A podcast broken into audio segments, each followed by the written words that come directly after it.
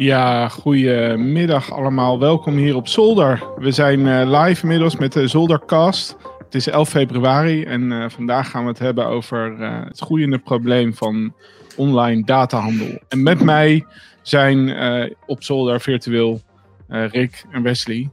Dus eigenlijk de Zoldercrew. Dus welkom mannen. Jo, dank u. Ja, leuk onderwerp om uh, even over te hebben, want hier zijn jullie heel veel mee bezig de laatste tijd. Uh, waren we al uh, heel lang. Ja, ja oké, sorry. Ja. Nou ja, wat wel, wat wel interessant is dat het al, ja, dat al best wel een tijdje speelt natuurlijk. Dus het is wel, ja, wel goed denk ik dat zoiets net als wat er dan de afgelopen tijd, wat Daniel had laten zien, ja, dat dat wat aandacht erop richt, zeg maar. Ja, ja, en het is leuk om ook even over te hebben, inderdaad. Ja, toch? Ja, want uh, ja, er zijn allemaal ook verbanden met, ja, in directe zin. Dus uh, wat, wat zien we dan als datahandel, maar ook van ja, wat is er nog meer over te vertellen?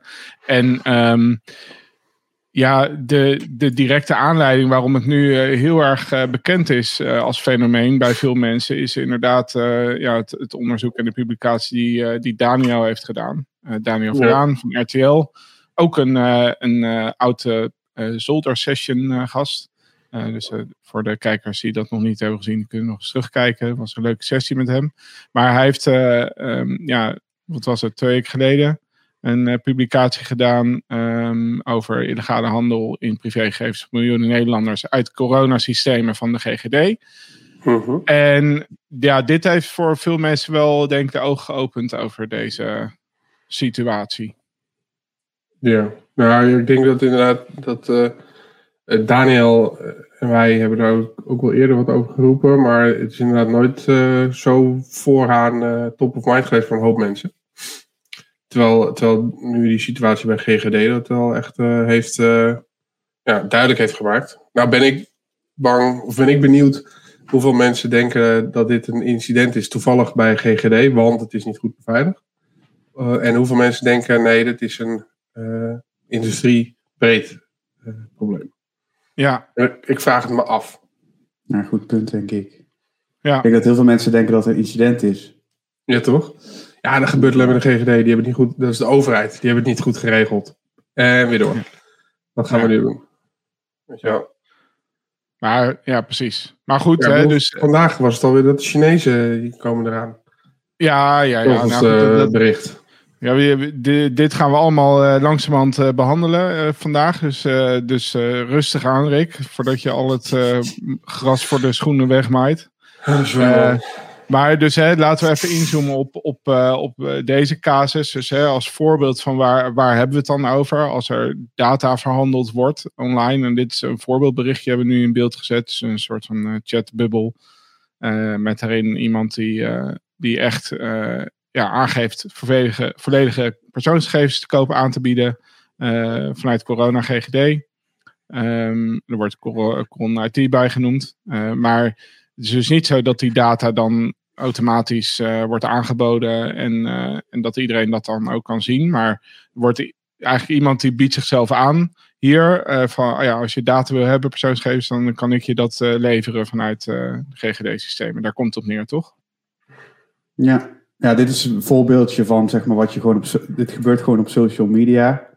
En dat is dan bijvoorbeeld zo'n voorbeeld uh, aanbieding. En ik zelf vind hier wel wat dingen opvallend aan, zeg maar. Het is ook totaal niet uh, verborgen. Het is gewoon, wordt gewoon letterlijk gezegd waar het vandaan komt. En ook dat het best wel, eigenlijk wordt er ook aangegeven, joh, als je een specifiek persoon zoekt, dan zoek ik die nu nog voor je op, zeg maar. Dus het is best wel geraffineerd, zullen we maar zeggen. Um, dus het laat een beetje zien hoe geraffineerd het is. En ja, dit wordt dus op deze manier zo bijvoorbeeld aangeboden gewoon in Nederlandse kringen. Uh, ja. Dus dat ja, dit is gewoon een, een, voorbeeldberichtje daarvan. Ja, maar goed, eh, dus speelt natuurlijk bij dan, hè, want dat is dan het volgende van hoe weet je zeker dat diegene inderdaad ook die toegang heeft die die zegt dan te hebben. En daar komt dan ook een beetje het bewijsmateriaal van, waardoor iemand als Daniel ook weet van ja, het is geen onzin. Uh, en dat zijn dus dit soort uh, screenshots hè, die dan ook passeren. Dus die dienen eigenlijk als een soort van bewijs van, uh, van dat, dat de toegang inderdaad er is. Voor degene Komen die, deze artikelen uit het Of komen deze foto's uit het artikel van Daniel, toevallig? Ook? Ja, dus uit het RTL-artikel Oké, zelf. nice. Ja. Ja, Ja, Ja, je ziet ja hier sommige die bieden, die, sommige bieden bewijs aan. Ja. En nou, dan hier extra grappig, omdat er dan Peter de Vries en eh, John van Heuvel... eh, denk je, denk je. denk, ja oké, wordt die insinuatie wordt in ieder geval gewekt. Ja. Goed, dat, is dan wel, dat zijn dan weer precies dingen waarmee je natuurlijk je, je, je punt kracht bij kan zetten. Waarmee je duidelijk kan maken dat je wat te koop hebt staan. Ja. En iemand die dit aanbiedt, daar kan je dan volgens mij in contact komen via diezelfde social media. En dan ja, moet je gaan onderhandelen over. eh, Ik denk niet dat deze afbeeldingen zo openbaar gedeeld werden. Je kon, waarschijnlijk kan je gewoon in gesprek gaan en zeggen: Ik wil eh gegevens kopen, maar heb je bewijs dat je. En dan vervolgens krijg je gewoon een screenshotje of een videootje opgestuurd. Om te laten zien dat ze daadwerkelijk toegang hebben tot, tot data. Want het is vaak wel van belang dat die data eh, ja, vers is. Dus up-to-date informatie, want dan kan je zo, zo gericht mogelijk fishen. Bijvoorbeeld dat je wel. Dat je niet nu iemand die eh, bij de ABN AMRO zit. eh, dat je die gaat fishen eh, met de oude Rabo-gegevens. ja, En dat soort zaken. Of iemand die niet meer op het ene adres woont. Dan werkt een babbeltruc super slecht. Oh, je woont in, eh, in Woerden, toch? Nee, nee, ik ben verhuisd naar Nieuwegein. Oh, ja, ja, ik ben van de bank, maar ik weet dat niet. ja. Dus het, het is, eh, die, die informatie en die, die, eh, ja, die moet gewoon up-to-date zijn. Dus dan willen ze graag bewijzen dat ze, dat ze die toegang hebben. Ja, ja oké. nou, en en nou, er is natuurlijk een hele hoop eh, rondom gebeurd in de media. En ook op, op Twitter en zo ging het los. En toen had jij daar ook, Rick, op een gegeven moment op gereageerd.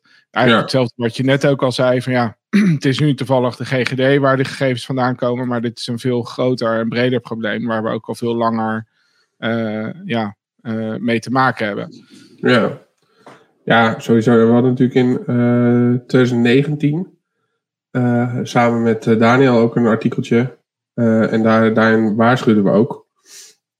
En daar zag je dat de mensen bij, die bij een callcenter werkten, die gegevens doorverkochten.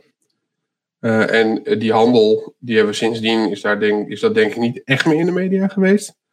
Eh, maar hebben die wel gewoon continu nog steeds waargenomen. Dat gaat gewoon door. Eh, Ja. Er is alleen niet zoveel aandacht voor. En ik denk nu met de GGD is die aandacht er wel. Eh, maar dan hoop ik wel dat het, eh, dat het niet ophoudt bij. eh, ja, de GGD heeft het niet goed geregeld en weer door. Want, want dat Nee. zou echt zonde zijn. Was dit een callcenter wat, wat eh, een onderdeel was van één bedrijf? Of was het een commercieel callcenter wat gewoon eh, ja, zijn diensten verkocht aan, eh, aan derden? Dat laatste volgens mij. Me, Ja. we stuurde toen een videootje. Ja, klopt. En dat, ja, dat was toen met energiemaatschappijinformatie, zeg maar. Ehm, ja, die werd op dat moment verkocht. Dus ik vind het wel interessant, inderdaad, wat Rick zegt. Ik hoop, ik hoop ook niet dat het alleen zeg maar, op GGD gericht is. Want dit probleem is namelijk veel groter. Zeg maar, dit Ja. is rond in 2019 toen geweest. Eh, nou, en toen zag je dus al dat dus eh energiemaatschappijinformatie, dus klantgegevens van energiemaatschappijen, verkocht werden vanuit een callcenter. Ehm, dus eigenlijk speelde het toen al. Ja. Eh, en energiemaatschappijen hebben eigenlijk ook heel Nederland als klant. Dus daar is de impact ook vrij groot van natuurlijk. Maar je- bent als energiemaatschappij ook de zak. Want jij denkt gewoon goedkoop een callcenter. Of goedkoop, of misschien wel voor een hele hoop geld, whatever. Je, je outsourced eh, je, je, je, je acquisitie naar een callcenter. Want die schijnen er goed in te zijn. En vervolgens hè, moet je daar wel even je klantenbestand heen pompen. Of, of, of toegankelijk maken. En wat daar werkt. Dat weet je niet. Ja, en hoe die wereld ook in elkaar zit. Ik heb dan, die wereld is ook natuurlijk een beetje, eh, een beetje raar met het uitwisselen van informatie.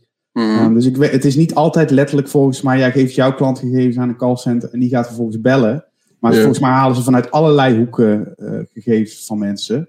Eh, en, en gaan ze op die manier zeg maar bellen. Dus het is niet alleen volgens mij een maatschappij geeft klantgegevens. Maar het is, Ja. er is echt een hele business rond ontstaan. Gewoon om die informatie zeg maar. eh, Zo, dus legaal en illegaal bestaat deze handel. zo zou je het kunnen, kunnen noemen. dan. Ja, ze, ze- ja, ja, goed. Dan kom je in de Facebook en Cambridge Analytica-achtige discussies. Van wat is dan nog legaal, weet je wel? Oké, oké, oké. Dat, heb eh, ik niks gezegd. Dat is, ander, dat is, nee, inderdaad, dat is een ander eh, luik. Eh, Oké, ehm, ja, maar dus wij zien dit in ieder geval dus al wat langer uh, zo gebeuren. Zelfs al in 2019, dat is uh, nou, anderhalf jaar of tweeënhalf jaar geleden. Anderhalf jaar ja. geleden. Ja, 2019 kwam er naar buiten, hè? Ja, ja, precies. Ja. Maar wat is er veranderd sindsdien? Of is er wat veranderd sindsdien? Nou, ik vond het wel, wat ik wel interessant vind, hè, want dit, dit artikel ging uh, samen, wat we samen met Daniel hebben gemaakt, eigenlijk over de toename van sms-phishing. Uh, daar ging eigenlijk het artikel over. En zeg maar, dat stukje wat daar groot geassocieerd is, dat is gewoon een beetje, dat was een soort bijdingetje. Ja, um, ik vond het jammer, weet ik dat, nog. Ja, inderdaad. Maar, want ik denk namelijk wel dat dat callcenter gedeelte wat is geassocieerd is, dat dat heel erg bijgedragen heeft aan uh, dat er zoveel ge-sms'd wordt. Dus die leads die dragen denk ik heel erg bij um, aan ja, dat criminelen gaan sms'en. Want ze weten namelijk je nummer, ze weten bij wijze van spreken je bank, misschien weten ze ook wel je leeftijd. Dus ik denk dat die twee uh, gepaard gaat met elkaar en dat het daarom, het is ook niet alleen datahandel. Het probleem is zeg maar vele malen groter dan dat alleen. Um, ja. En het, ja, het, versterkt elkaar, zeg maar, wat dat betreft. Ja, maar uh, dus uh, afgelopen jaar heeft ook al in het teken gestaan van toename van, uh, van inderdaad precies die sms'jes die je dan krijgt. Is dat, heeft dat met elkaar dan inderdaad te maken? Meer ja, dus... Ja, ik denk het wel. Uh, want dan kunnen ze gerichter, uh, gerichter sms'jes sturen, zeg maar. Hè. Dan kunnen ze dus jou... Uh, ik weet het ook nog goed, dat was heel mooi. Dat was, dat was het moment dat we dat hadden vastgesteld van dat callcenter. Um, toen, volgens mij een dag of twee dagen later, kreeg ik een sms'je met inderdaad vanaf mijn bank. En ik ontving nooit, ontving ik zeg maar phishingberichten. Mm -hmm. Goed, het kan toeval zijn, maar ik vond die connectie vond ik zo... ik denk van, wow, dit is wel bizar. We zien drie dagen geleden dat informatie verkocht wordt. En ja. drie dagen later krijg ik dus netjes van mijn bank hè, een phishing berichtje. Dus ik denk, ja. ik denk, ja, ik ben er wel van overtuigd dat die twee uh, samen gaan. Ik denk eerlijk gezegd dat het ook wel een cirkeltje is hoor.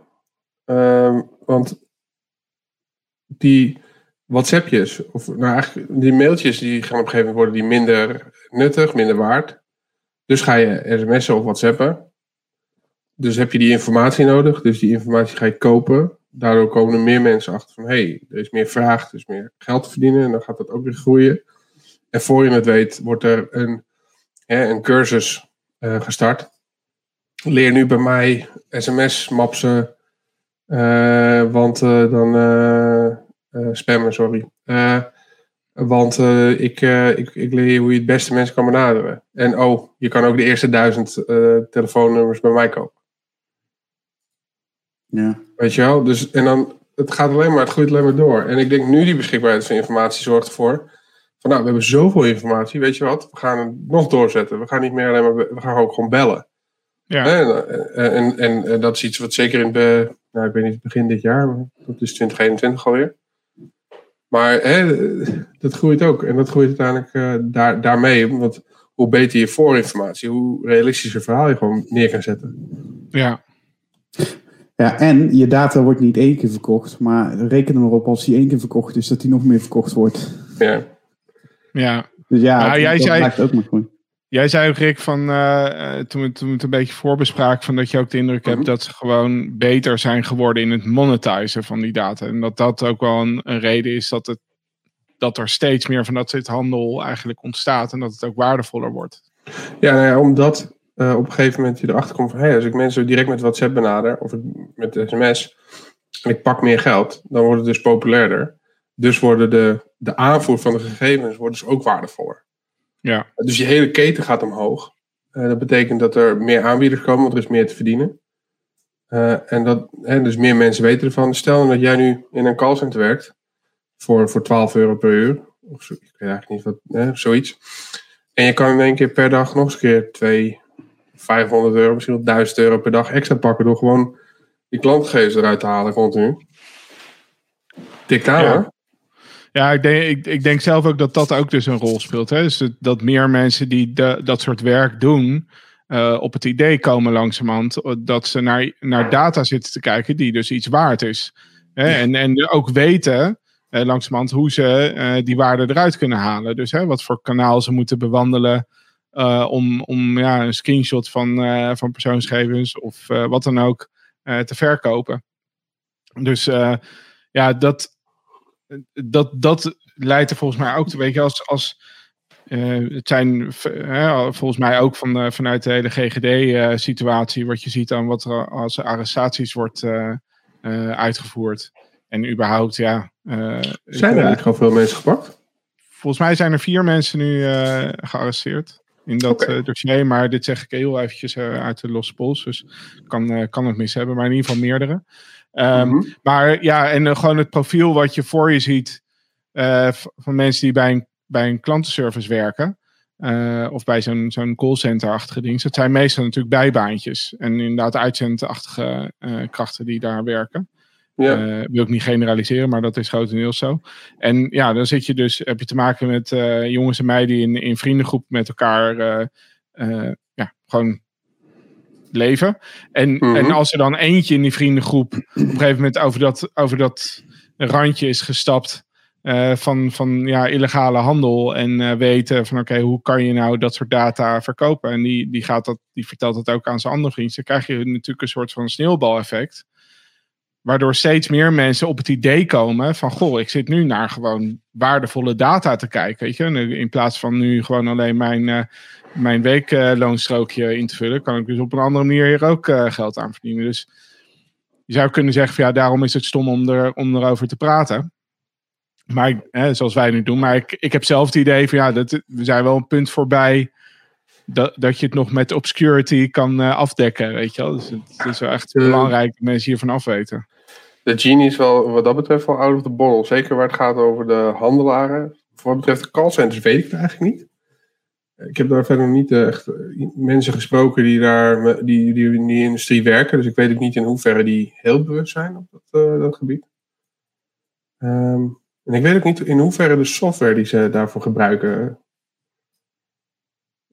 Is er überhaupt audit logging? Wie wat bekijkt wanneer? Nou ja, dat hangt dus echt van, van de applicatie af.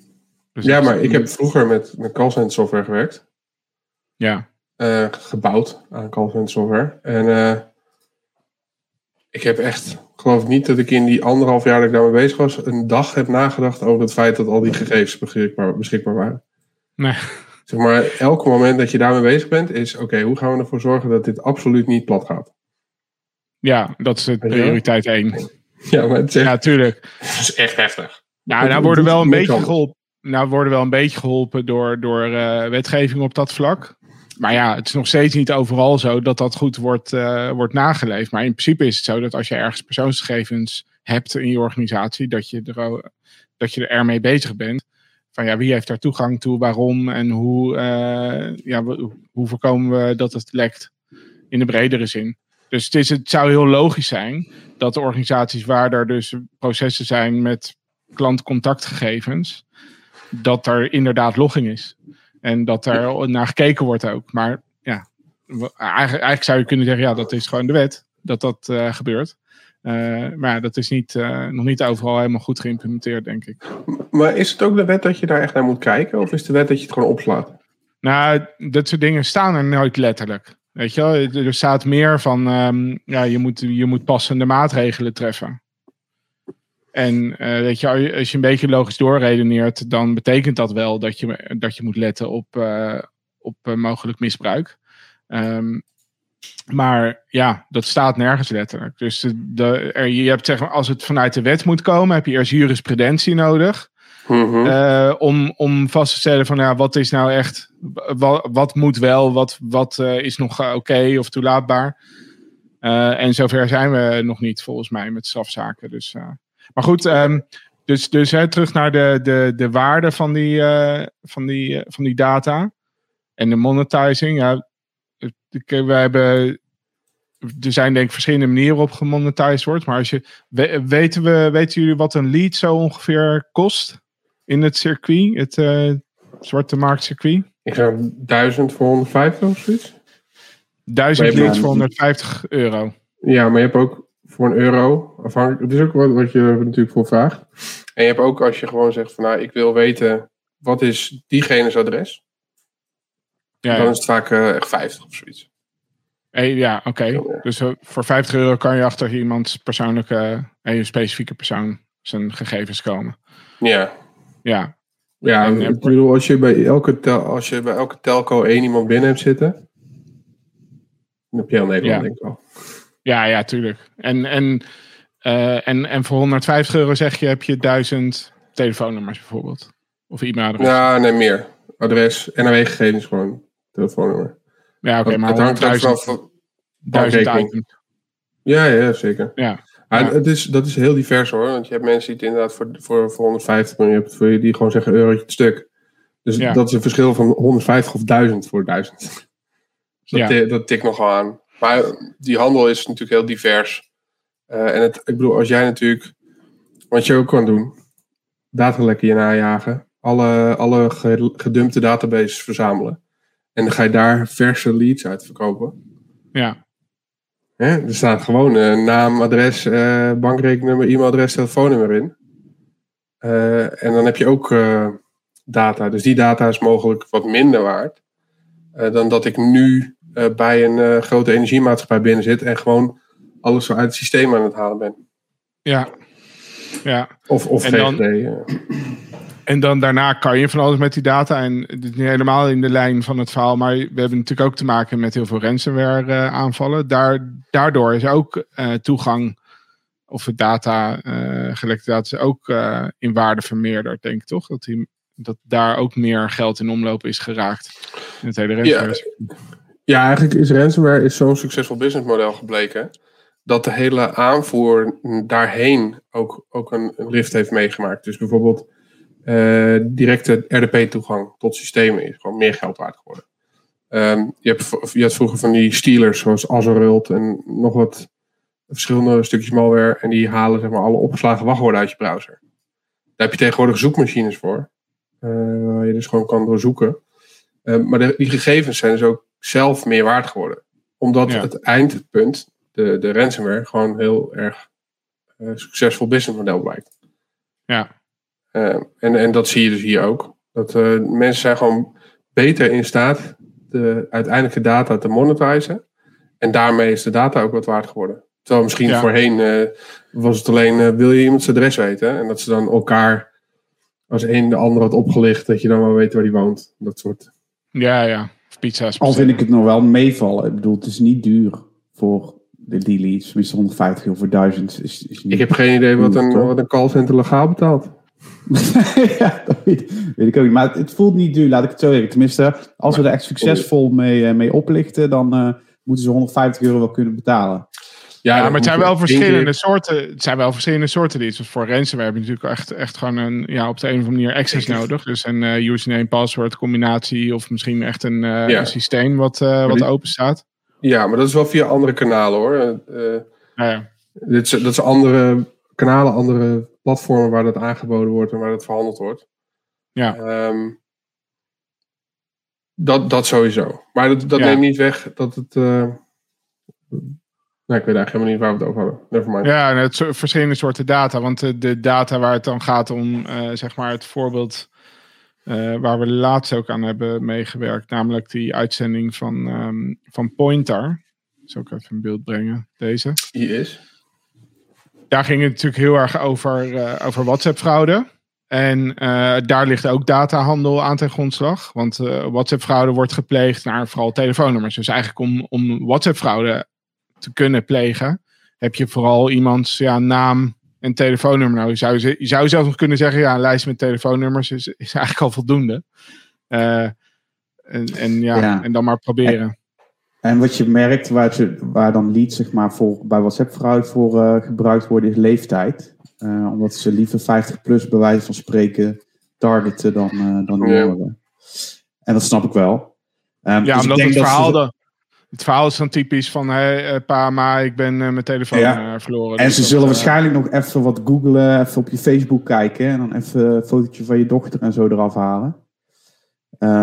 Maar dat selecteert wel lekker natuurlijk als je dan de leeftijd al hebt. En als je, dan weet je al richting welke doelgroep je aan het whatsappen bent, inderdaad. Met, met de leeftijd en, en eventueel of ze een, een kind hebben. Dus Ja. dan merk je dat dat daarvoor, eh, en dat, eh, ja, dat dat daarvoor leads gebruikt worden. En dan is bijvoorbeeld je leeftijd weer heel interessant. Ehm, dus zo heeft het specifiek, specifiek nut, zeg maar, goede leads hebben. Ja. ja, deze uitzending van, eh, van Pointer, wanneer was hij nou? Volgen we 1 februari was hij hè, op, op televisie. Ja. Nou, die is terug te kijken via zolder.io slash pointer. We hebben het even makkelijk gemaakt. maar ook gewoon natuurlijk via, via de NPO-site en, en, en gemist. En wat ik er zelf interessant van vind, deze uitzending, is dat het op zich natuurlijk hè, de WhatsApp-fraude, wat het onderwerp is, wat de titel is, uh, ja, belicht. En ook de slachtoffers daarvan aan het woord laat. Dus ook even ingaat op, op die online handel van data. Maar ook wel de politie aan het woord laat. Van waarom, waarom is het nou zo moeilijk om hier goede opsporing op te doen? Hè, waar lopen we tegenaan? Gewoon uh, vanwege uh, anonimiteit en, uh, en opsporingsbevoegdheden. En, en zelfs ook een, twee hoogleraren die ook gewoon de zijde van, vanuit de platformaanbieders, in dit geval Facebook met WhatsApp, nog even belicht. Dus ik vind het een heel interessante uitzending, omdat het echt het probleem eigenlijk vanuit verschillende invalshoeken in beeld brengt. Dus voor ja. diegenen die het nog niet hebben gekeken, kijk het vooral terug. Ik vond het grappig dat, uh, dat uh, weet het nog zo'n probleem is. Het uh, terughalen. terughalen van? van? Nou, nou, stel dat je nu iemand doet iets op Telegram. En dan hebben ze zegt van ja, nou, we kunnen die gegevens niet opvragen bij Telegram. Of dat duurt heel lang en tegen de tijd dat je dat gedaan hebt. En aan de ene kant denk ik, ja, dat is op zich wel goed. Want het is niet te handig dat iedereen zomaar over heel de wereld allemaal gegevens op kan vragen. Aan de andere kant verbaast het me dat daar niks voor in geregeld is. Dat een bedrijf als Telegram of een bedrijf als uh, Facebook met een uh, bevel, hè, als je daar een, een huiszoekingsbevel, als dat nu komt, hier aan de voordeur, dan mag ik ook niet de deur dicht doen. Dus als je daar nee. de voor, voor krijgt in jouw land, ben ik benieuwd. Maar ik kan me ook voorstellen dat het uitdagend is als je een bedrijf bent dat over heel de wereld actief is. Nou ja, hier speelt volgens mij gewoon heel plat mee dat het gaat om een, uh, om een Russisch bedrijf. En ja. dat, dat als je daar dan uh, een, een rechtsverzoek uh, richting dat bedrijf doet, dan, dan moet dus de Nederlandse politie samen gaan werken met de Russische politie. En dan is er eigenlijk geen verdrag of geen samenwerkingsbasis waardoor dat heel vlot loopt. Okay. Terwijl dat binnen uh, met de Amerikanen wel zo is. En, en, en alles wat meer in de westerse, aan de westerse kant van de mondiale, hoe zeg je dat? Situatie uh, zit. Ja, dan lukt het makkelijker. En dan kom je weer in een situatie van ja, als ze in, als die, als ze in Rusland uh, bijvoorbeeld via Telegram Russische slachtoffers maken, dan zal de situatie waarschijnlijk wel anders zijn. Want dan heeft, hebben ze een, is, de, is de behoefte anders. Uh, maar goed, dat, uh, dat, dat zat heel erg in die uitzending. Ja? Ja, ik vraag me ook af, is het niet gewoon de duur? Hè? Het duurt heel lang natuurlijk voordat ze die info... Stel, want je kan hetzelfde over WhatsApp zeggen. Ze kunnen zeg maar, oké, dat telefoonnummer, dat doet uh, WhatsApp-fraude. Nou, dat kan je opvragen. Dat duurt natuurlijk maanden voordat je dingen weer, uh, informatie weer terug hebt. En dan, uh, ja, dan is alles alweer weg, zullen we maar zeggen. Qua, dat nummer is gone, die, dat de WhatsApp-account is gone. Is dat ook niet gewoon het probleem dat het gewoon best wel, ja, dat duurt gewoon lang. En daardoor is het een heel moeizaam traject. En daarnaast, ja, het gaat niet over de grootste bedragen, dat, dat type fraude. Nee, nee. Dus uh, volgens mij is dat ook een belangrijk, dat het gewoon zo, zo, zo lang duurt in dat, uh, ja, het bevragen van die informatie. En dat het daarom ja. zo moeizaam is. Uh, wat ik verder nog aan die aflevering trouwens goed vind, is dat ze echt heel goed laten zien hoe makkelijk en hoe laagdrempelig het, uh, ja, het aanschaffen van data is. Vond dat, dat ze dat heel mooi in beeld brachten. En, uh, en dat is wel, dus ja, als je dat zou willen zien, dan zou ik ook zeker aanraden om te kijken, die aflevering. Ja.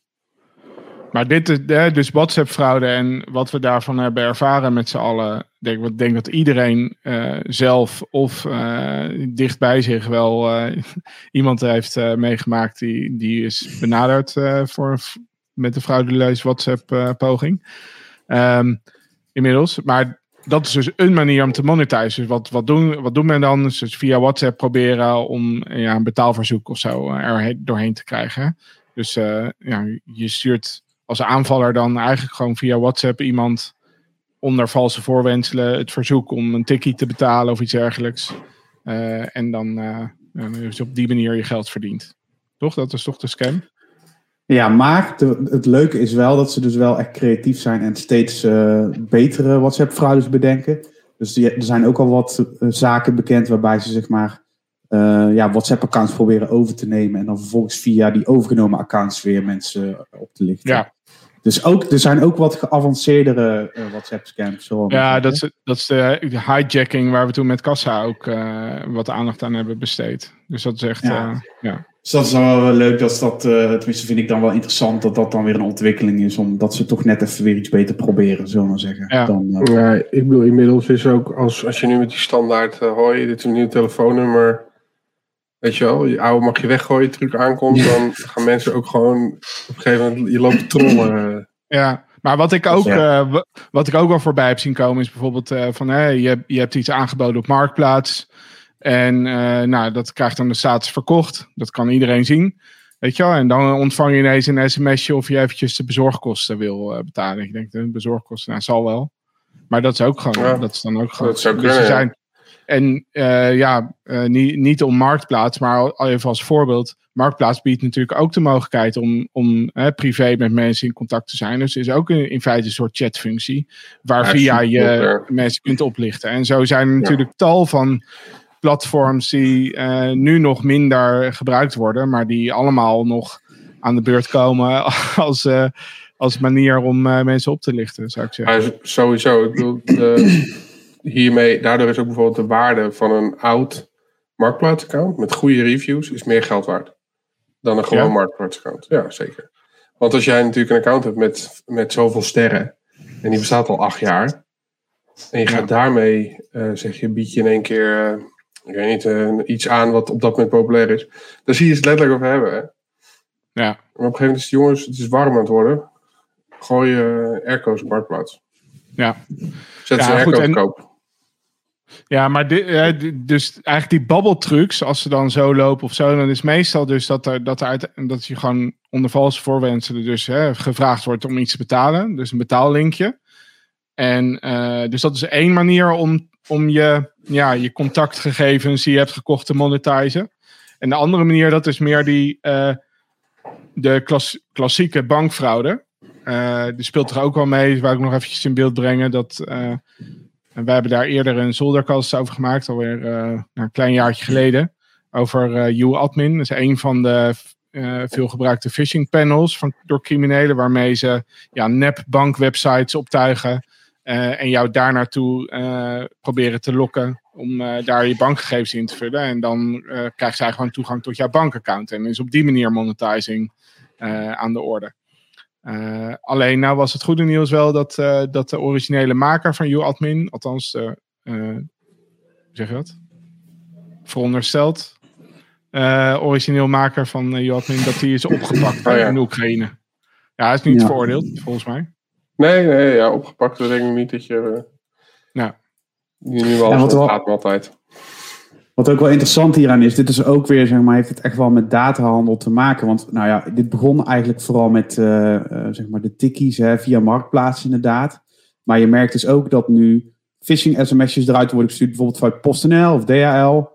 Uh, en uiteindelijk kom je dan in de UAdmin riddle terecht.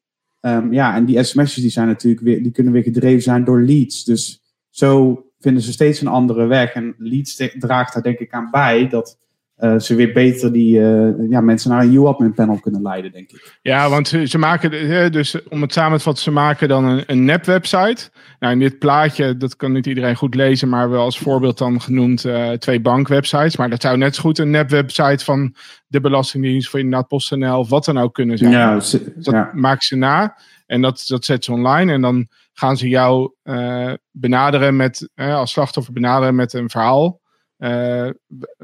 waardoor je gedrukt moet worden om naar die website toe te gaan. Dus als ze ja, een belastingdienstachtige website in het leven roepen, dan willen ze natuurlijk het liefst uh, iemand daar, daarvoor benaderen die op de een of andere manier iets met de Belastingdienst te maken heeft. Nou, is dat een beetje een slecht voorbeeld.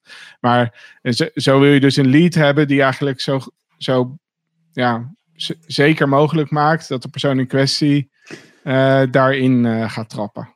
Daar komt het op ja, neer, toch? Ja. Precies.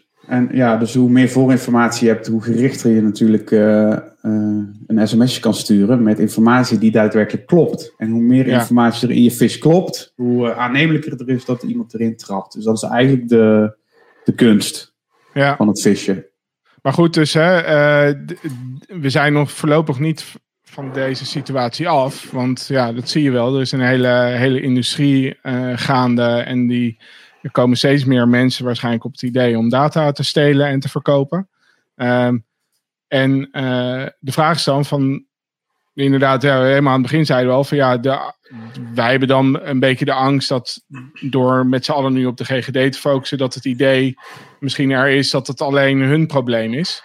Uh, terwijl wij weten van ja, dit is een veel groter probleem de vraag is van waarom, waarom weten mensen dat? Waarom weten organisaties dat nog niet? Hebben jullie daar een idee bij? Nou, ik denk dat als het gebeurt, dat je het gewoon totaal niet doorhebt. Dat, ja. dat is gewoon de, volgens mij de regel, zeg maar. Zo werkt het volgens mij gewoon. Uh, dat organisaties niet doorhebben. Dus het, organisaties moeten hier denk ik echt specifiek naar gaan kijken voordat je het door wil hebben. Kijk, we hebben nu bij de GGD het geluk dat Daniel het aan de kaak stelt. Maar zonder Daniel had niemand het geweten. Dus Ik weet wel dat er wat interne meldingen waren, maar ook die werden niet helemaal. Uh, maar, maar ik weet nog toen in 2019, dat we, toen was letterlijk dit callcenter die werknemer. Ja. Ik geloof, is, ik heb niks van gehoord verder, maar denk je dat er iets gebeurd is? Nou, dat weet ik Behalve misschien dat die gast uh, zijn baan kwijt Het werd wel, uh, dat hadden ze wel aangegeven inderdaad. Maar, maar ik denk dat dat probleem nummer één is. Dat is eigenlijk niemand het uh, überhaupt doorheeft. Ja. En als je die ja, door hebt, ja, dan ga je dan doen. Als jij natuurlijk ook een commercieel callcenter runt, waarbij elke lead die, of elke die je binnenhaalt is x euro voor jouw bedrijf. Dan ben je toch ook gewoon aan het stampen en zorgen dat daar... zeg je dat? dat, dat, eh, dat, dat er wat verdiend wordt. En helemaal niet zo druk aan het maken over, eh, over dat soort. Uh, mogelijk wordt er wel eens wat gepikt. Nee, en ik, dat, dat hoop ik dus dat doordat, we dit, doordat het GGD zeg maar naar buiten is gekomen, dat het dat laat zien hoe serieus het is. En dat dus onder andere callcenters, maar ook andere organisaties met dit soort systemen, ja, zich gewoon daar wat meer bewust van gaan zijn en daar wat meer op gaan monitoren, bijvoorbeeld. Ja, en, en daar, Tom Wolters die stelt uh, de vraag: vinden jullie dat de markt meer verantwoordelijkheid moet nemen? Banken bijvoorbeeld. Ja, in deze zou ik zeggen van ja, ik denk dat wij wel zouden willen en vinden dus dat er meer verantwoordelijkheid genomen moet worden, maar niet op de plek van de banken, althans. Uh, ja, waar banken zelf ook een callcenter hebben, daar wel. Maar volgens mij is ons punt daar net meer van. eigenlijk moet elke organisatie die uh, een helpdesk-functie heeft en uh, werkt met persoonsgegevens in die zin, zich beseffen dat, dat daar mensen kunnen werken die, die op het idee komen om die data te verhandelen. Hè, dus het is meer iets, denk ik, wat bij de, bij de organisatie zelf ligt, waar die data vandaan komt. Toch? Ja, ja, ja, het zou mooi zijn als, uh, als uh, bijvoorbeeld uh, verschillende callcenters zich daar samen hard voor gaan maken of zo. Of dat er misschien wel standaard software komt. Of dat ze met z'n allen op zoek gaan naar waar, ze, waar komt het nou vandaan en waar gebeurt dit. Ja, ik vond zelf dat um, ik, ik had even zitten zoeken naar ja, wat, wat staat er? Staat nou deze dreiging van datahandel. Nou, nogmaals, jullie zijn eigenlijk in 2019 dus al met een publicatie met, met Daniel gekomen. Staat dit ergens in, uh, in alle dreigingsbeelden die ons zo bereiken her en der? Nou, een, veel, een heel bekend en veel geciteerd dreigingsbeeld is dat van het uh, eh, NCC of uh, eh, NCTV ook wel. en, maar dat, ja, aangezien die een rol heeft om meer de vitale infrastructuur te bedienen, gaat dat over veel ja, uh, staat hij daar in ieder geval niet in, dat weet ik. Um, wat, en dus ben ik even door gaan zoeken. Ja, je hebt ook een uh, dreigingsbeeld wat gepubliceerd wordt door de Informatiebeveiligingsdienst voor de Nederlandse gemeentes, IBD. en daar kwam ik op zich wel deze, dit punt tegen. Toen werd ik getriggerd door het icoontje wat hier gebruikt wordt voor, voor de dreiging. Het is heel stom, maar ik denk dat het, kan zomaar heel erg een kern van het probleem zijn. Dus hier staat, uh, voor de mensen die uh, niet kijken, maar luisteren, staat er, er is dus een dreiging, die noemen we, uh, die plaatsen onder het kopje intern en bedoeld. Met andere woorden, de, de actor, degene die het doet, is een interne medewerker en die doet dat bewust. Het is niet een foutje. maar wat, er, wat daar beschreven wordt, is dat het een dreiging is waarbij je ja, moet denken aan een spion. Hè? Dus er staat ook een icoontje bij van een, van een typische spion. En um, En daarbij wordt aangegeven, ja, vooral medewerkers met verhoogde toegangsrechten, zoals ICT-beheerders en management, kunnen grote schade aanrichten. Ja, dit is. Uh, dit, dit ziet eigenlijk echt op de mensen met verhoogde technische toegang tot systemen waar data in zit die, die uh, ja, mogelijk interessant is voor, uh, voor ja, spionageachtige activiteiten en dus verkocht kan worden. Alleen dat is net het, het soort dreiging is misschien wel een klein beetje hetzelfde, maar het, het is toch wel weer anders. Want je hebt met heel andere medewerkers te maken dan binnen je organisatie. Ja, die gast die eh, tegen minimumloon op je helpdesk zit, die met een exportfunctie in het callcenter systeem uh, kan in dit geval uh, meer uh, ja. buiten. Ja, dus... ik, ik, denk dat, dat het doel wat ze hierop, waar ze hierop richten ook misschien niet zozeer, hè, want ik denk dat het ik weet niet in hoeverre überhaupt het lekken van die persoonsgegevens heel erg uitmaakt. Of dat ze het nu hebben over bedrijfsspionage, zeg maar. Ja, dat vraag ik me ook af. Maar ja, goed, het zijn de gemeenten. Hè? En de gemeenten hebben dan de, de, de, de basisadministratie in beheer. Dus dat is gewoon ja, jij waar jij woont met, met jouw adres, weet je wel. Dus ze hebben op zich heel uh, waardevolle data voor, uh, voor, voor dit soort activiteiten. Niemand op ideeën brengen, maar dat is dus zo. Um, Uh, en, maar dus, hè, weet je, als ik, als ik dit zie van die IBD en dan inderdaad ook echt dat icoontje erbij, dan denk ik van ja, de, de, de, de dreiging van insider threat wordt heel erg geframed als iets wat, wat gaat over spionage. En is ook belangrijk. Hè? Dat zou nu volgens tijd, ja, dat is er ook. Weet je. Daar moeten we ook zorgen over maken. En eh, China en Rusland zijn allemaal heel erg uh, actief op dat vlak. De IVD heeft meer geld nodig, begrijp ik. Uh, we allemaal begrepen vanochtend. Toevallig net een maandje voor de verkiezingen. Um, dus ja, dat is allemaal heel erg aan de orde. Uh, maar ik denk dat als je dan als nuchtere Hollander gewoon een bedrijf bent uh, waarin je een callcenter bent en uh, gewoon een beetje energiecontracten aan het verkopen bent, noem maar wat. Ja, dan heb je niet de indruk waarschijnlijk dat, dat dit over jou gaat. Weet je, dan heb je de indruk van ja, dit gaat over over uh, ASML en over echt high-tech uh, en uh, bedrijfsgeheimen. Ja. wat allemaal. Um, dus ik denk dat dat wel... dat ja. echt... ja, dat kan ik me heel goed voorstellen. Sterker nog, als ik dit soort dingen ook dan lees... Of, of dat stukje wat je net liet zien... dan denk ik alleen maar aan dat soort dingen. Ja, dus dat, dat is het punt. En, en dat richt zich dan tot gemeente. En ik denk, ja, ja, die moeten zich daar ook zorgen over maken. Maar ze moeten misschien ook als ze nou eens nadenken bij het, de dreig van insider threat, dat dat dus een ander icoontje bij past. Namelijk niet dat van een spion, maar dat van een callcenter medewerker. Misschien dat dan mensen tot de, tot de indruk komen van, oh ja, wacht eens even, dit gaat misschien wel over mij. Is er dus, ook een uh, callcenter, een bond van callcenter medewerkers die vervolgens hierover gaat klagen? Ja, dat denk ik wel. ja, we worden hier weggezet als criminelen. Nee, ja, kijk. Ja. kijk dan. Het is toch gevaarlijk? hey, wat heb ik hierop trouwens? Oh. Nou, anyway. Oh. Ja, dus wij zijn het. Nee, maar, um, nee, maar kijk, ik denk dat dat wel een kern van, uh, van het probleem is. Van dat, dat uh, als mensen zich er druk maken over, uh, over mogen spionage of het lekken van data, dat dat heel erg wordt gezien in de hoek van spionage als motief. Terwijl dit voor veel meer organisaties die online data handelen, voor veel meer organisaties nu, hier en nu een uh, echt een probleem uh, vormt. Ja, uh, maar dat is en het ik denk, ook, en, ik, en ik denk tegelijkertijd dat het is ook niet erg als je in eerste instantie focust op, op die dreiging. Want alles wat je doet om, om, om ja, beter dat proces van die callcenters in de gaten te houden, helpt ook tegen, tegen spionageactiviteiten. Dus ja, waarom zou je het niet doen?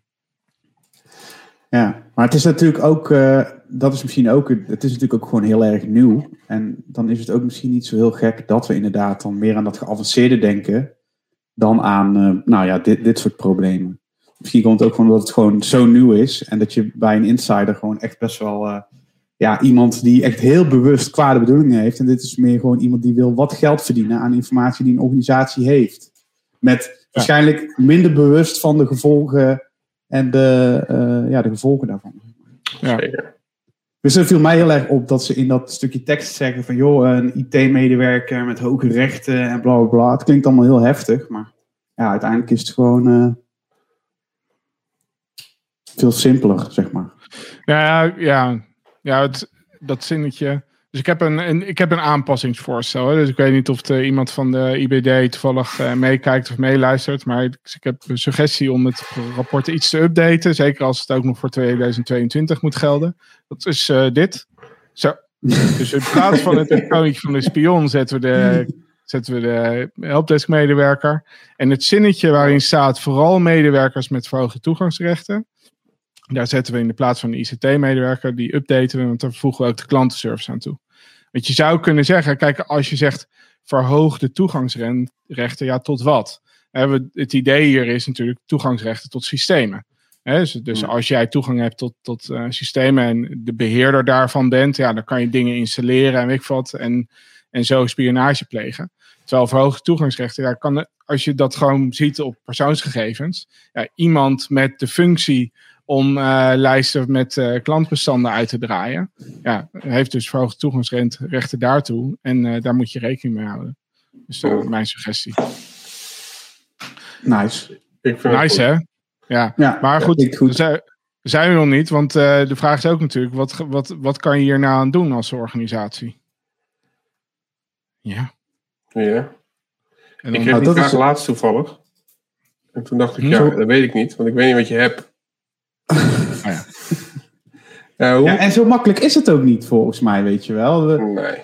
Het is ook gewoon, als jij heel veel mensen in één systeem hebt, is het ook gewoon niet zo makkelijk te fixen. Je kan impact beperken en proberen een misbruik te zien, maar uh, het is volgens mij gewoon een heel lastig probleem om te tackelen.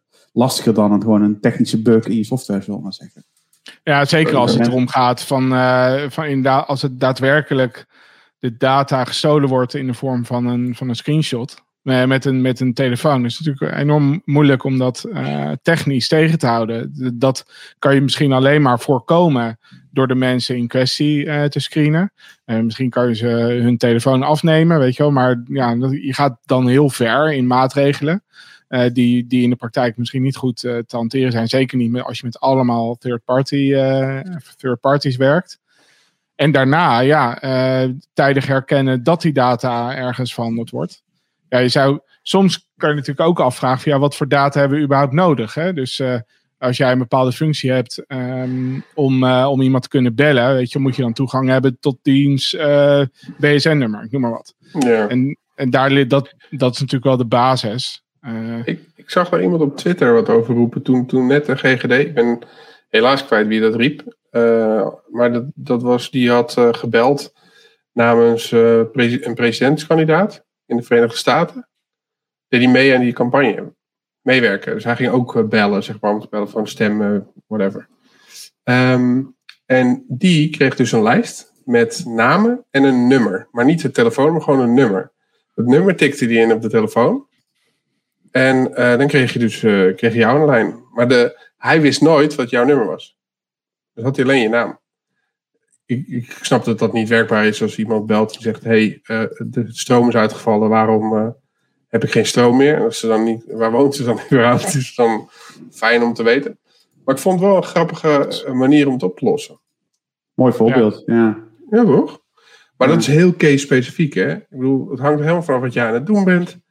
En ik kan me ook voorstellen dat in een hele hoop gevallen gewoon heel veel data beschikbaar moet zijn. Ja, en het is niet de situatie waar we nu zijn. Nu zijn we helaas gewoon in de situatie dat we allemaal een webapp hebben. Iedere heldersmedewerker heeft er toegang toe. En zo is de wereld, zeg maar. Dus daar zullen we ook mee moeten werken. Je kan niet alles vandaag en morgen even omgooien naar een nieuw systeem en het is gefixt. Was dat maar waar, zeg maar. Ik denk dat dat lange termijn is dat, je iets, dat iets is waar je naartoe moet werken. Maar ja, in de tussentijd moet je toch nog wel een andere... Ja, begin ja, met besef, denk ik. Uh, wat dat betreft, ja. Ja, we, we hadden. Um, ik had uh, lekker een rondje erbij gepakt. Om uh, te praten over wat kan je er allemaal aan doen. Uh, want jullie houden altijd zo van rondjes en, en modellen. En ik vind het sowieso. Het was vet. Het was zeg maar, we gingen dit voorbespreken. Dus ik ging nog even naar de slides kijken vanmorgen. En toen stond het stuk van de IBD erin. Dat ik denk, waar vindt die man dat? Hoe kom je erop?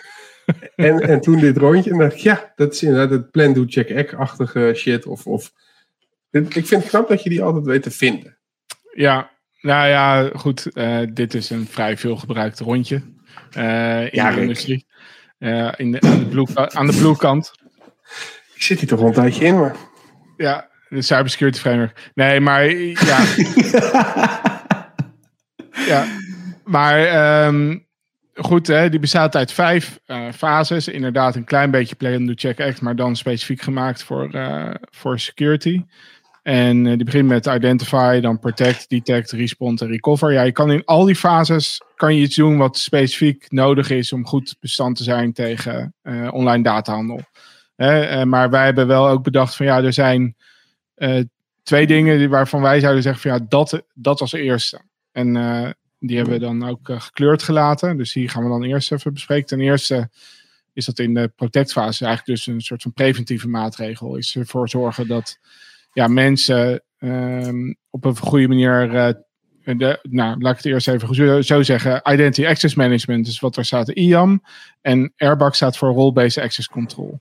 Dus dat betekent zeker weten wie iemand is. En daarna goed regelen waar diegene toegang toe heeft. En dat dat niet meer is dan strikt noodzakelijk eigenlijk voor zijn, uh, voor zijn werkzaamheden. Zijn of haar werkzaamheden. Ja, nou, met name daar uh, denk ik dat je... Stel nou dat je... Want die foto maken, dat iemand gewoon handmatig overtikt of foto's maakt en zo. Dat, dat is heel lastig voorkomen. Uh, misschien in een kantoorsituatie dat je dan nog... Dat, je, dat een collega een andere collega gekke dingen kan doen. Maar anders is het tricky.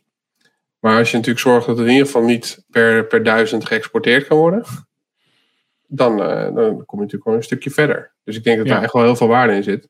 En met name, ik bedoel, wat je, om nog terug te komen op jouw punt, van, hè, er zijn een hele hoop stappen die je moet nemen.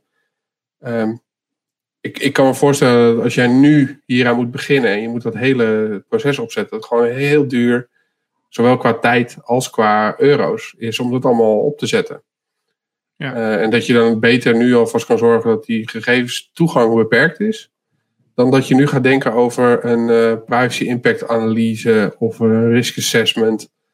Met 44 consultants met advies waar je nooit uh, wat mee kan. ik bedoel, super nuttig advies. Um, maar de, ja. De, ja, denk echt, daar heb, ik, daar heb ik echt vertrouwen in. Nou ja, ik denk als je, de, als je de kans hebt, moet je denk ik proberen dat parallel te doen. Hè? Dus ook, uh, je moet niet, tenminste, het is niet nodig om een risicoanalyse en een privacy impact assessment af te wachten. Om de conclusie te trekken dat je identity access management en log, logging en zo nodig hebt. Want dat gaat daar toch wel uitkomen. Weet je wel, dus daar kan je ook alvast mee starten. En, uh, en dan uh, tegelijkertijd uh, meer bezig zijn met het, met het strategische en organisatorische werk. Wat, wat ook gerust belangrijk is. Um, maar jij, jij zei bijvoorbeeld ook over uh, die, dat twee, nou, stapje 4, hè, die is hier oranje, logs, logs en monitoring, om te detecteren dat er mogelijk sprake is van misbruik. En er staat nu Seam Sock bij, maar jij noemde het ook een ghetto-vorm van implementatie. Kan je... ik, ben, ik ben dol op ghetto-oplossingen. Ja, en wat is dat dan in dit geval? Nou, het kwam erop neer. Ik zag Siem Sok en ik dacht meteen alweer aan zo'n treurige Siem uh, die, uh, die, die, waar die volgeprakt wordt met meer logs dan dat die aan kan. En dan een, een SOC-team wat uh, een query doet en dan met wekkertjes moet gaan werken. Want ik heb een query gedaan en over een half uur komt het antwoord.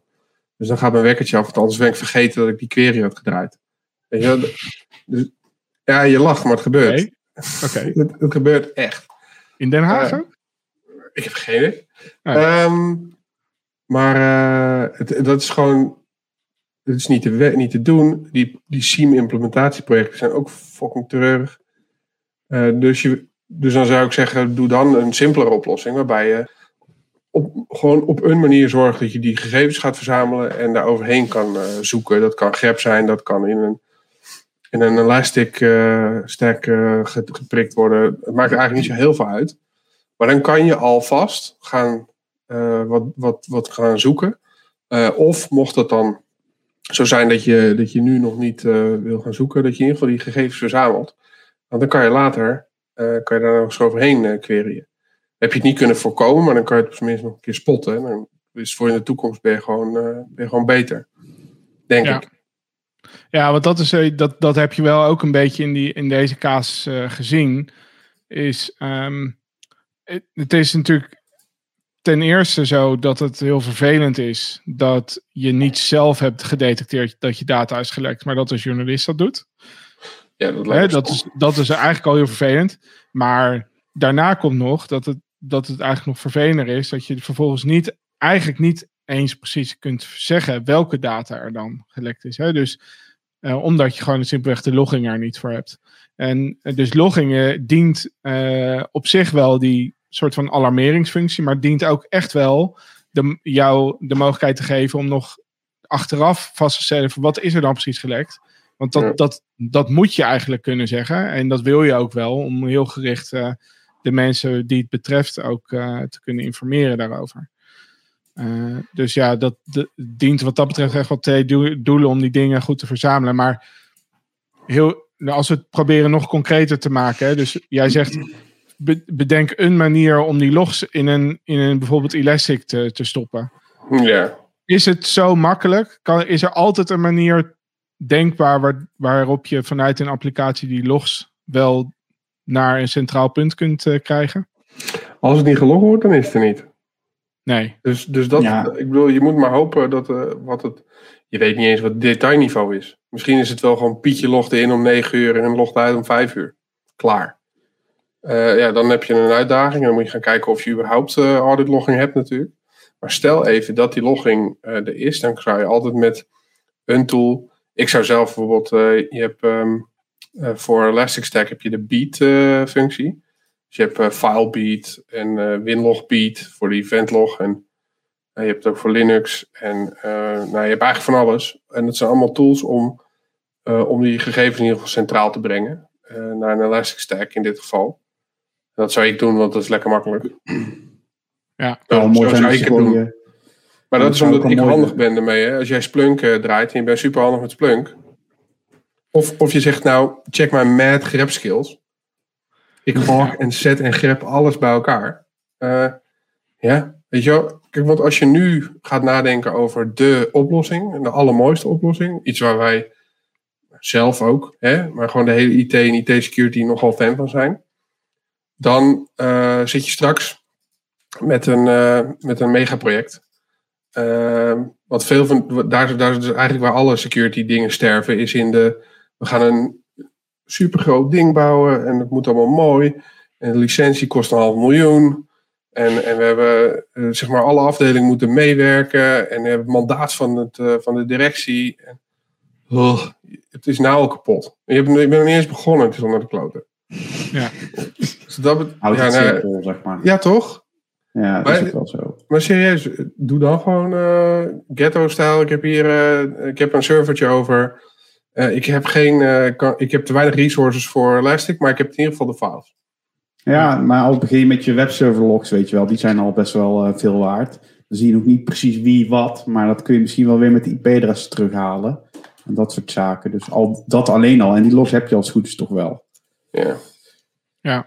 Ja, en uh, nou, nou kan het natuurlijk best zijn dat, dat, we, dat er mensen, als ze dit al kijken, maar die denken van ja, maar dat heb ik dus op zich wel al wel geregeld. Alleen nog steeds, ja, weet ik niet zeker of ik wel alles zie. En hoe kom ik er dan achter dat, het, dat die data gelekt is. Dus nou uh, is dat uh, is een beetje ingewikkeld om daar helemaal open alles over te, te zeggen, denk ik. Maar wij kunnen wel zeggen dat we op meerdere uh, momenten organisaties geholpen hebben om te vinden van ja, wat voor data is er in omloop. En uh, dus als iemand daar uh, interesse in heeft, neem vooral contact op. maar ja, er zijn ook gewoon diensten die gewoon kunnen monitoren op jouw merknaam of bepaalde zoekwoorden. Ja, of er op, op, online bronnen, open bronnen of wat dan ook, ergens jouw data voorbij komt.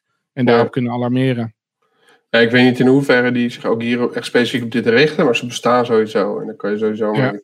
Maar wat, wat, ik, wat je ook zou kunnen doen, is natuurlijk gewoon zelf een accountje in je callcenter nemen. Uh, en gewoon eens een keer kijken van, oké, okay, ik ga nu uh, de gegevens van die klant in, in kijken. Ja.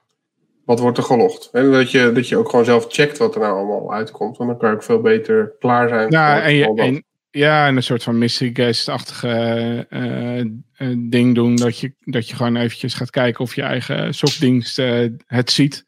En wat er dan gebeurt als je een gekke query doet. Dat, maar het maar, is nog best een uitdaging hoor. Want, het, want je moet dan gaan kijken hoeveel heeft Pietje gebeld vandaag. En van alles wat hij gebeld heeft, welke gegevens heeft hij nou ingezien. En dan als je dan zeg maar dubbel heeft ingezien van die gebeld heeft, is dat dan een reden om alarm te slaan? En ja, Ja. De- ik, je bent al aardig queries aan het bakken. Ja. Hey, ja, dat en, is wel eh, de ik- volgende stap, toch? Dat is wel een stapje verder dan... eh Fair enough. Maar dan zou je automatisch kunnen alarmeren van hé, dit is gek, want eh, Pietje die heeft in één keer vier keer zoveel ingezien als dat hij heeft gebeld. Eh, en ook eh, zoveel keer meer dan Ja. het gemiddelde bijvoorbeeld. Je kan je met Ja, gaan werken en zo. Ik zou denk ik nog een stapje, net even een stapje eerder gewoon beginnen. Even, nou, wie trekt er gewoon grote hoeveelheden uit? En dat is dan een alarm, zeg maar. En dan inderdaad verder de Ja. koppeling. Hoeveel bel je? En zijn daar afwegingen. Nou, dan, ja, als we het hebben over inderdaad ghetto-oplossing, is dat inderdaad gewoon wel de beste manier. Gewoon lekker simpel. En wat het mooie ook is van op die manier beginnen, is dat je, dat je dan ook doorkrijgt van, oh, dit wat we nu doen, is geen goed idee. Ja. Dit moet anders. In plaats van Ja. dat je eerst het hele project op hebt getuigd en dan erachter komt, oh, dit werkt eigenlijk niet. En kan je ook voorstellen dat je in je data eh, iets doet met honey tokens? Ik had dat er wel een soort van eh, opportunistisch ingezet, maar eh, is- dat wel eens eh, is dat denkbaar?